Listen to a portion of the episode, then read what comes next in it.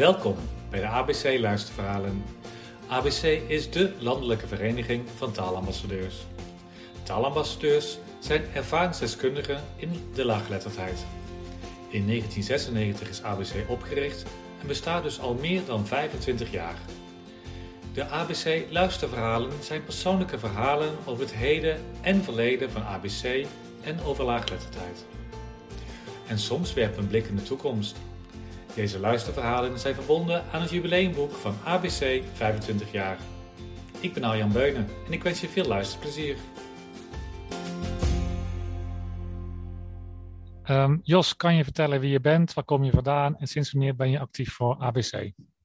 Ik uh, ben Jos Niels, ik kom uit uh, Hulhuizen. Dat is een buurtschap uh, van de gemeente Gent en de gemeente Lingewaard. Ik ben ehm, ik heb een bloemenzaak gehad altijd. En ik ben gepensioneerd nu. En ik doe als uh, vrijwilliger zit ik dan bij Stichting ABC. Ik doe nog heel veel in de tuin. Want dat vind ik heel lekker, want ik kom uit de bloemen, dus ik zit altijd nog in de tuin te klungelen. En ik doe dan nog als hobby erbij uh, de hondjes, de ponies, de duiven en schildpadjes, uh, wat we nog doen. En dan zet ik me eigenlijk nog in voor uh, ABC. Dus ja, en bezig erbij eigenlijk als het ware. Ja, klinkt als een druk persoon. we gaan het er vandaag hebben over uh, afdeling Gelderland, hè, waar je vanaf het begin af aan actief bent, samen met Martin. Martin, kun jij je ook voorstellen? Ja hoor, ik uh, ben een onderwijzer, als onderwijzer opgeleid. Ik woon in Hilversum. Ik heb daar gewerkt in het Montessori-onderwijs en het Jena-plan-onderwijs. In de avonturen heb ik onderwijskunde gestudeerd in Amsterdam. En vanuit het basisonderwijs ben ik op een gegeven moment vertrokken naar het MBO. En ben ik uiteindelijk als onderwijskundige ook terechtgekomen wat nu SINOP heet. Uh, ik ben actief voor ABC van ongeveer 1995.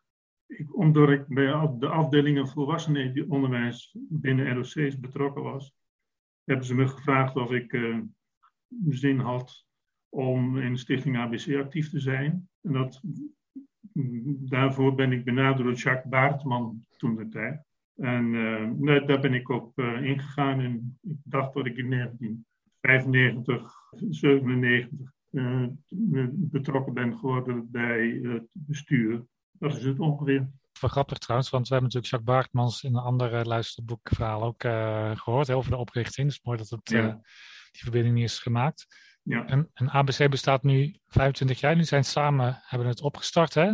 Ja. Wanneer was die opstart dan, Jos? Was het een speciale dag, begreep ik? De afdeling Gelderland is opgericht ja. in, op 5 maart 2010. En toen werd ik 60 jaar. En Martin en ik hadden afgesproken dat we die dag bij elkaar zouden komen om afdeling Gelderland op te richten. En ik ging wou met frisse moed wou ik naar Nijmegen toe. Alleen toen kreeg ik van mijn vrouw te horen, hou eens, je, wordt, je bent 60 geworden vandaag en je blijft gewoon thuis. En ik kon de sleutels inleveren van de auto, want dan wist ze zeker dat ik niet ging. Dus uh, dat heb ik netjes gedaan. En uh, ik heb Martin gebeld. Ik zei: Sorry, Martin, maar ik, uh, ik mag niet, of ik kan niet komen, want ik ben jarig. En de kinderen willen niet hebben dat ik kom, omdat ik 60 word. En wil jij het alleen doen? Ik zeg: Maar ik zou wel, we hadden wel van tevoren afgesproken dat ik wel graag voorzitter zou worden. Ik zeg dus ja, reken het maar op en uh, zorg dat ik uh, een mooie functie krijg. En ik zeg tegen Martin, doe je best maar. Succes. Ja, het is gelukt dus, Martin. Het is gelukt, maar ook, uh, ik kwam ook meteen een probleem tegen. En het probleem was, wie wordt de voorzitter? Want er waren twee initiatiefnemers, dat was de, af, de ROC in Arnhem en het ROC in Nijmegen. Daar heb, ik, heb, heb ik toen ter plekke de oplossing bedacht dat Jos de externe voorzitter was en Joop de interne voorzitter. En daar hebben we een, ja, een aantal jaren op die manier gewerkt. Maar het voordeel was wel dat we Jos meteen ook in het landelijke, de, de landelijke bestuursbijeenkomsten kwam. Dat was uh, meegenomen in dat opzicht. En Joop was na verloop van tijd ook, uh, had allerlei problemen en die heeft ook langzamerhand afgehaakt toen. Was Joke van het Nijmeegse kamp of het Arnhemse ja, kamp? van het Nijmeegse kant. Okay. Het is ook wel aardig om te melden dat het toen de tijd tussen de ROC's ook al altijd wel enige ja, animositeit was, laat ik maar even zo zeggen. En ik vind het wel leuk dat in afdeling Gelderland daar nu geen enkele sprake meer van is. Dus uh, al samenwerkend uh, zie je ook dat mensen anders naar elkaar gaan kijken op het moment dat ze gewoon met elkaar samenwerken. Ja. Dus dat vind ik wel een positief effect. Ja, samenwerken, dan kom ik er letterlijk tegen. En als je weet dat je voor hetzelfde doel gaat, dan, dan Ja. ga- gaan de vooroordelen ook weg. Exact. En waarom vond je het belangrijk om dat op te richten in Gelderland? Ik vond het belangrijk om het in Gelderland te doen, want Gelderland was een ontzettend grote provincie met heel veel ROC's. Ik, bij die ROC's, vanuit mijn functie bij Sinop, kreeg ik te maken met al die fusieoperaties die er waren en zo. En dan had de afdeling, zal ik maar zeggen, die zich bezighield met volwassenenonderwijs, was vaak het sluitstuk. Dat betekende dus dat er in, terwijl er afdelingen waren in Noord-Holland, Gelderland, eh, nee, nee, in Limburg en in Brabant? Brabant. Brabant, die waren heel actief. Terwijl er in Gelderland eigenlijk niks was. Jos was heel enthousiast. En nou ja, toen heb ik Jos ondersteund om een afdeling op te zetten in de afdeling Gelderland. En die ook als zodanig vorm te geven. En wat vond jij belangrijk, Jos, om, te, eh, om die stappen te zetten? Hoe deed je Ja, dat? ik had, ik had geluk dat ik met Martin overal naartoe mocht in die tijd, omdat ik weet dan ik bestuur al zat. En eh, ik werd dan vaak meegenomen door Martin en door Kees Hamming. En ja, ik kwam eigenlijk in Brabant en eh, in Limburg. En ik zag hoe enthousiast dat ze daar allemaal waren. Ik zeg, ja, dan moeten we, Gelderland is zo groot en we hebben helemaal niks. Ik zeg, ik, ik wil dat in Gelderland ook hebben.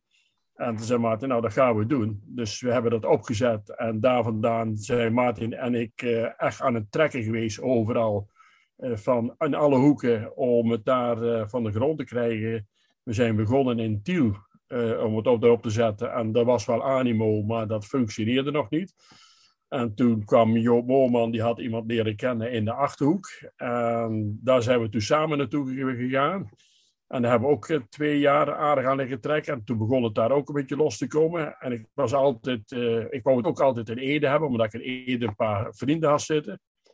Maar dat kregen we niet zo goed van de, van, de- van de grond af. Maar eigenlijk eh, kwam het daar ook van de pas. En ja, toen is Harderwijk erbij gekomen. En eh, omdat ik daar een paar mensen leerde kennen.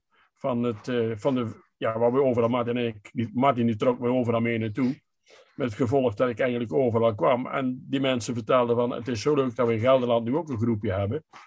En zo geleidelijk aan is eh, ja, Tiel erbij gekomen, de Achterhoek erbij gekomen, eh, Harderwijk erbij gekomen en rond Ede erbij gekomen. Dus we hebben nou een mooie zetting eigenlijk in, eh, in Gelderland. En dan nu met erbij eh, Taal mee met Taal wat we gedaan hebben. Ja, hebben we nog een hele mooie grote groep taalambassadeurs. Dus ik ben best wel blij dat we dat, dat Martin er toe meegeholpen heeft om op te, op te zetten. We hebben goede resultaten in ieder geval. Ik wil nog iets kort aanvullen. De aanleiding, eh, Jos, is nog steeds geweest dat je op een landelijke ambassadeursdag andere ambassadeurs ontmoette, waardoor je toen ook eh, tot de overtuiging kwam dat je in Gelderland iets, iets moest, moest gaan doen.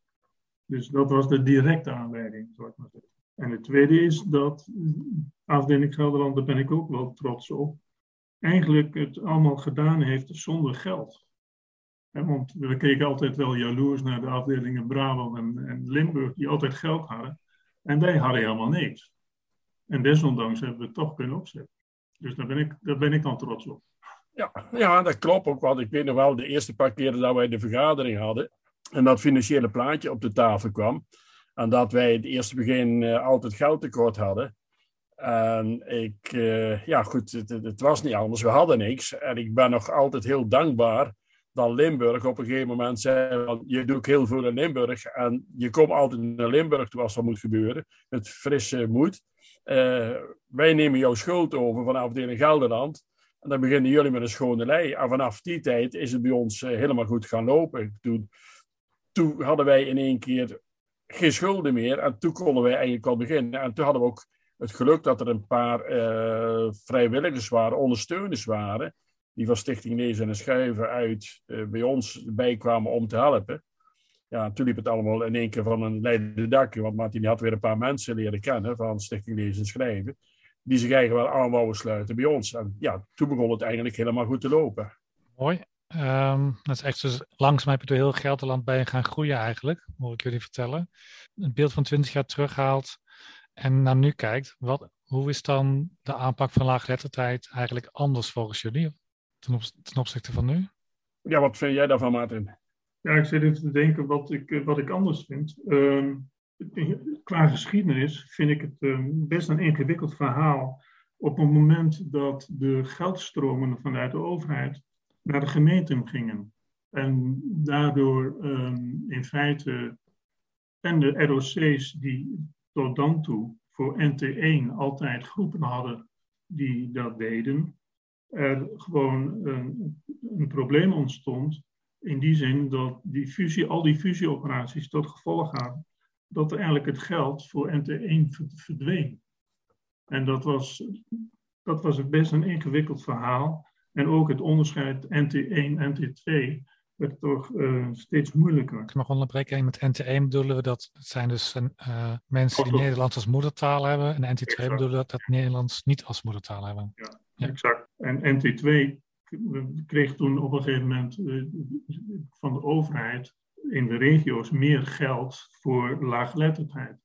En je zag dan op een gegeven moment dat gemeentes, of samenwerkende gemeentes, dat geld dan door, vooral doorsluist naar alleen NT2. Dus de term laaggeletterdheid kreeg een bredere lading, in mijn ogen ook wel terecht is. Maar er werd onvoldoende rekening gehouden met de doelgroep die die NT1 en NT2 eh, vertegenwoordigden. Want ik denk dat die, die beide groepen een, een andere pedagogische aanpak vereisen. En dat er ook behoorlijk wat kwaliteit nodig is, pedagogische kwaliteit ook, om die groepen goed te begeleiden. Nou ja, en dat vind ik eigenlijk. Ik zie ontwikkelingen op sommige plekken waar het heel goed gaat, moet ik zeggen. En ik zie ook waarbij de regie heel duidelijk, uh, zal maar zeggen, kleinschalig is. Ik zie ook situaties waarbij er ontzettend veel overlegd wordt, van alles, over alles en nog wat maar het geld eigenlijk niet komt waar het voor bestemd wordt. En dat zijn toch de mensen die het geld eigenlijk nodig hebben. Jos, herken je dat? Het, het punt van Martin dat, je, hè, dat, dat, dat er een verschil van aanpak is om kwaliteit te bereiken en, uh, voor de NT1 en de NT2 doelgroep? Ja, ik vind het, uh, wat Martin zegt, precies zo. Um, het ergste wat ik eigenlijk vind, is dat de, de ROC's zich eigenlijk allemaal teruggetrokken hebben en dat het allemaal door vrijwilligers gebeurt, gaat gebeuren. En om een goede cursus, een goede cursus te geven aan mensen die bij gaan scholen, is toch wel een vak apart. Uh, de vrijwilligers doen hun uiterste best wel om ons goed te motiveren en goed te leren om bij te scholen.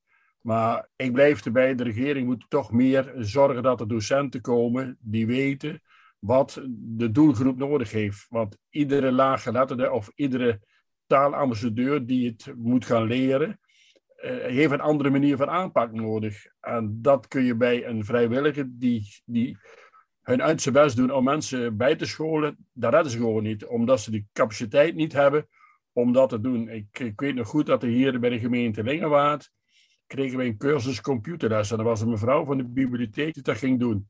En ze begon het netjes uit te leggen. Je zet zo de computer aan, dan ga je dat doen, dan ga je dat doen, dan ga je dat doen. En op een gegeven moment zegt ze, en dan klik je op het rode kruisje, en wat gebeurt er dan? En we zaten allemaal met oudere mensen, we keken elkaar allemaal, zijn wij nou kleine kinderen? In ieder geval, het was afgelopen, zegt ze, Jos, wat vind je ervan? Ik zeg, nou, ik zal je één ding vertellen. Dat doe ik je volgende week vertellen wat we ervan vinden. Ik zeg, want volgende week kan ik je daar antwoord op geven. En die week daarna, toen was ik de enige die terugkwam. En ik sprak een paar andere mensen, ja, zeiden wij gaan daar niet naartoe, we zetten geen, geen, geen kleuters van een tikje op dat rode kruisje. En dat vind ik eigenlijk het jammer. Zij proberen het zo goed mogelijk te doen, maar ja, dat schoot ze gewoon op tekort. En daarom vind ik dat de regering toch meer moet doen aan uh, uh, docenten te vinden die echt puur gericht zijn om cursus te geven voor mensen die moeite hebben met lezen, schrijven, rekenen of computervaardigheden.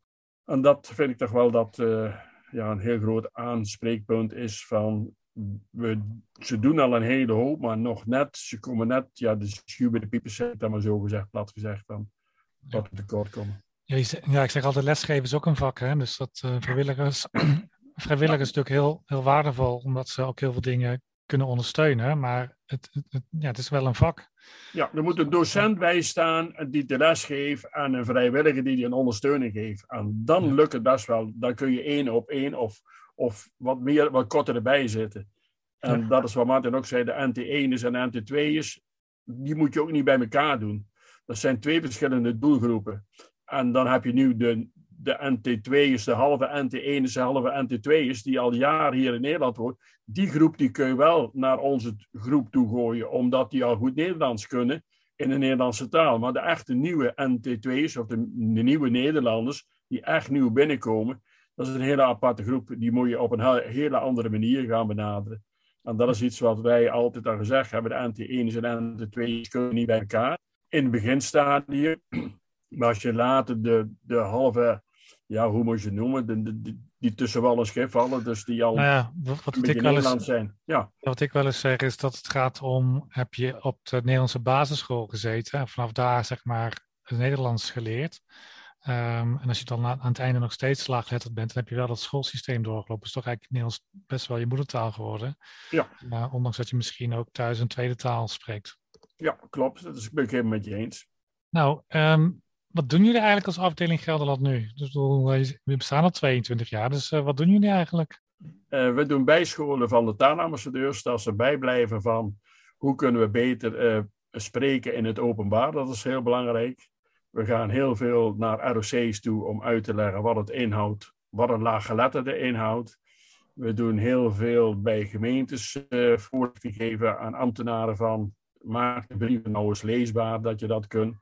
En we gaan echt voorlichting geven op lagere scholen van kinderen doe goed je best, want wij hebben het vroeger een beetje laten liggen en we hebben er later spijt van gekregen. Dus dat zijn wel eigenlijk de grote speerpunten die wij doen. Misschien daaraan toevoegend, uh, Jos, een van de dingen die ik uh, binnen afdeling Gelderland heel erg belangrijk gevonden heb en wat ook goed werkte, dat wij die cursus ambassadeurs gaven. En daardoor uh, hebben we onder in, in Doetinchem ook weer nieuwe ambassadeurs gekregen. Ik weet niet of, ik ben er in een poosje uit, maar die cursus ambassadeurs, die, die, die draait toch nog steeds. Ja, klopt. We hebben daar nu zes uh, nieuwe taalambassadeurs gekregen sinds kort. Ja. Gelderland breidt uit, het team wat groter. Ja. ja.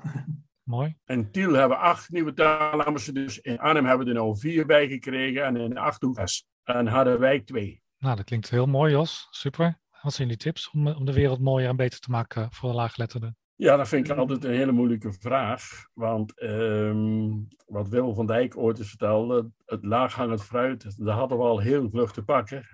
Maar dat fruit boven in de bomen, de mensen die zich eigen echt heel goed kunnen verschuilen onder het motto dat ze moeite hebben met lezen en schrijven. Ja, dat is eigenlijk best wel heel moeilijk om die doelgroep te vinden. En ja, dat, we doen van alles om die mensen te vinden. En we weten er wel wat. En het belangrijkste is altijd, waar ik altijd nog heel belangrijk vind, bij, bij Radio en TV Gelderland worden heel veel spotjes gedraaid momenteel erover. En wat ik het belangrijkste vind, een klein advertentie beter leren lezen en schrijven met een telefoonnummer. Dat kan iedereen lezen en daar kunnen we de meeste mensen mee bereiken. En als we dan mensen gevonden hebben, vertellen van hoe goed en hoe fijn dat het is dat je nu beter kunt lezen en schrijven. Dat je trots, ik ben zo trots als een pauw wat ik nu allemaal kan. Dus dat, dat is hetgene wat we uitproberen te dragen. Mooi. En jij Martin? Ja, wat mij betreft, als het gaat over vrijwilligheid in, in relatie tot laaggeletterdheid, dan maak ik toch een beetje onderscheid in die zin dat, ik zou maar zeggen, de pedagogische medewerker die laaggeletterdheid aan, aan, aan mensen uh, helpt bij hun laaggeletterdheid, laat ik me even zo zeggen. En, de, en degene die zich bezig wil houden met hoe organiseer je dat. Want dat loopt af en toe wel eens uit elkaar. En ik denk dat het ook wel heel belangrijk is dat in een regio, dat er ook mensen zijn die heel goed weten hoe je met budgetten omgaat en hoe je ze krijgt. Want dat is toch vaak een probleem. De, de mensen die willen ondersteunen, die willen eigenlijk niets met geld of iets, een, een, organisatie te maken hebben, om even zo te zeggen. Want ja, hun expertise ligt vaak juist in het begeleiden van deze mensen. En wat mijn ervaring is dat door het hele gedoe rond projectsubsidies, om maar even zo te zeggen, je eigenlijk voor een doelgroep die nodig heeft dat er een, continu beleid is, hè, de vaste mensen, de herkenbare mensen, en daar hoort ook structureel geld bij. En juist daar hebben we eigenlijk heel weinig mensen die dat in de gaten houden. Want als je dat goed in de gaten houdt, kun je ook een continuïteit binnen een regio goed goed op poten zetten. En dat vereist ook dat mensen in de regio met elkaar willen samenwerken en niet met elkaar voortdurend zitten de bakkeleien wie het geld krijgt. Want dat, dat is ja, funest eigenlijk voor de begeleiding van de, de laaggeletterde mensen. Daar, daar zie ik nog wel dat iets moet gebeuren, laat ik zo. Dat is een belangrijke tip, denk ik, uh, zowel voor al die verschillende partners die dus in, in zo'n regio bezig zijn, en ook voor de gemeente, want die heeft dan natuurlijk een belangrijke rol. En ze er wel op letten, nadenken hoe ze dat zo goed mogelijk gaan organiseren met elkaar. Ja. ja. En soms kan een onafhankelijke vrijwilliger die wat politieke ervaring heeft, die kan daar wel heel veel betekenen. Oké. Dat is mijn ervaring altijd. En um, jij bent heel, heel veel jaar vrijwilliger geweest, uh, Martin. Stel, iemand zou nou aan jou vragen, uh, joh, zou ik vrijwilliger bij ABC moeten worden? Is dat leuk? Wat zou je dan zeggen? Dan zou ik zeggen, dat moet je zeker doen. En dan moet je sowieso meegaan eens een paar keer met een, een ambassadeur om eens te kijken wat ze doen en wat, uh, wat het voor hen betekent. En ga ook eens met uh, zo'n ambassadeur in gesprek. Want mijn ervaring is dat op het moment dat je luistert naar ze, dat ze, ze ervaren of je belangstelling voor ze hebt of niet. En die belangstelling is niet van hoe zielig ben je, maar de belangstelling is van ik accepteer je zoals je bent. En van daaruit bouw je een relatie op. Zo is een relatie met, met Jos ook opgebouwd. En dat betekent dat je dan elkaar vertrouwt en dan is er heel veel mogelijk. En voor een vrijwilliger die dat doet, vind het fantastisch om te merken dat mensen zelfbewuster worden, trots worden, hun mond durven open te doen en het gevoel, het gevoel krijgen erbij te horen. En daarvoor zijn die ambassadeursdagen ontzettend belangrijk. Vooral op, op de plek zelf. Je ziet het in Limburg, je zag het in Brabant, je zag het in Noord-Holland en je ziet het ook in Gelderland. Dus in dat opzicht denk ik dat je als vrijwilliger, wanneer je een grondhouding hebt, de, de mensen niet te beleren, maar gewoon naast de mensen te gaan staan, dat, dat, dat betekent veel voor jezelf. Uh, en dat betekent heel veel voor de mensen die je begeleidt. Letterlijk de mensen groeien, hè? Dat, uh, ik herken helemaal wat je zegt. Dat is echt zo mooi uh, en, en, en fijn om te zien. En dat geeft bevrediging aan beide kanten. En jij Jos, je bent ook al heel lang actief voor ABC en nog steeds in het landelijk bestuur en in Gelderland. Wat zou jij tegen iemand zeggen als ze vragen, goh, moet ik wel taalambassadeur worden? waarom zou ik dat doen? Wat zeg jij dan? Ja, altijd ja. Want het is zo fijn en zo leuk om jouw verhaal te kunnen vertellen, om andere mensen te motiveren, om ook een cursus te gaan volgen, om te gaan bijscholen. En dat je van wat hetgene wat ik nu ben en wat ik geworden ben, ja, dat is, is een hele wereld voor mij opengegaan. Ik, mijn, mijn leven is niet duizend keer mooier geworden, maar tweeduizend keer mooier geworden. Gewoonweg omdat ik altijd bij iedereen op heb mogen trekken, met andere mensen heb mogen praten. En daar heb zoveel dingen van opgestoken heb. En zo gelukkig, ik was een gelukkig mens, maar ik ben nog veel gelukkiger geworden omdat ik nu met de trein kan reizen. Eh, ik kan de ondertiteling op de televisie lezen. Ik kan, uh, dan kan ik die mensen ook motiveren, van dat zou jij ook kunnen. En ja, dat, het is zo mooi om te doen. Het is, het is gewoon fantastisch. Als je het nooit gedaan hebt, kun je niet vertellen van hoe leuk het is geweest. Maar het is echt iets wat uh, aan te raden is voor de, ook de nieuwe mensen die net van school afkomen om bij de scholen om dit te gaan doen en niet te motiveren. En die zeggen ook altijd, als jij jouw verhaal vertelt, dan zou ik dat ook wel willen. Alleen ik moet het wel leren om in het openbaar te spreken. En dat is het voordeel wat ik altijd heb gehad met Martin, dat ik mee mocht gaan en mocht luisteren. Als het niet goed met mij ging, dan ging Martin voor mij verder. En dat doe ik ook altijd met de nieuwe taalambassadeurs. We gaan samen op pad. Hun, ze kunnen hun verhaal vertellen. Lukt het niet, ga ik voor hen verder. En dat is het fijne wat je dan samen kunt doen. Samenwerken, daar kom je heel veel mee. En dat is heel leuk voor alle mensen. Nou, wat een mooie, mooie afsluiter zo, Jos. Je hebt het denk ik heel mooi, mooi verteld. En ik ben ja, ook... Mag ik nog even heel kort iets toevoegen? Ja. Yes. Dan wil ik, eh, anders vergeet ik dat. Um, een goede begeleider heeft ook oog voor de kwetsbaarheid van de ambassadeurs. Zeker als ze in het openbaar optreden. Dan wil het nog wel eens uh, gebeuren dat mensen nogal um, zo'n ambassadeur op een manier benaderen waardoor ze dichtslaan, bij wijze van spreken. En dat is wel iets waar je gewoon als uh, ambassadeur uh, of als begeleid van ambassadeurs goed in de gaten moet houden.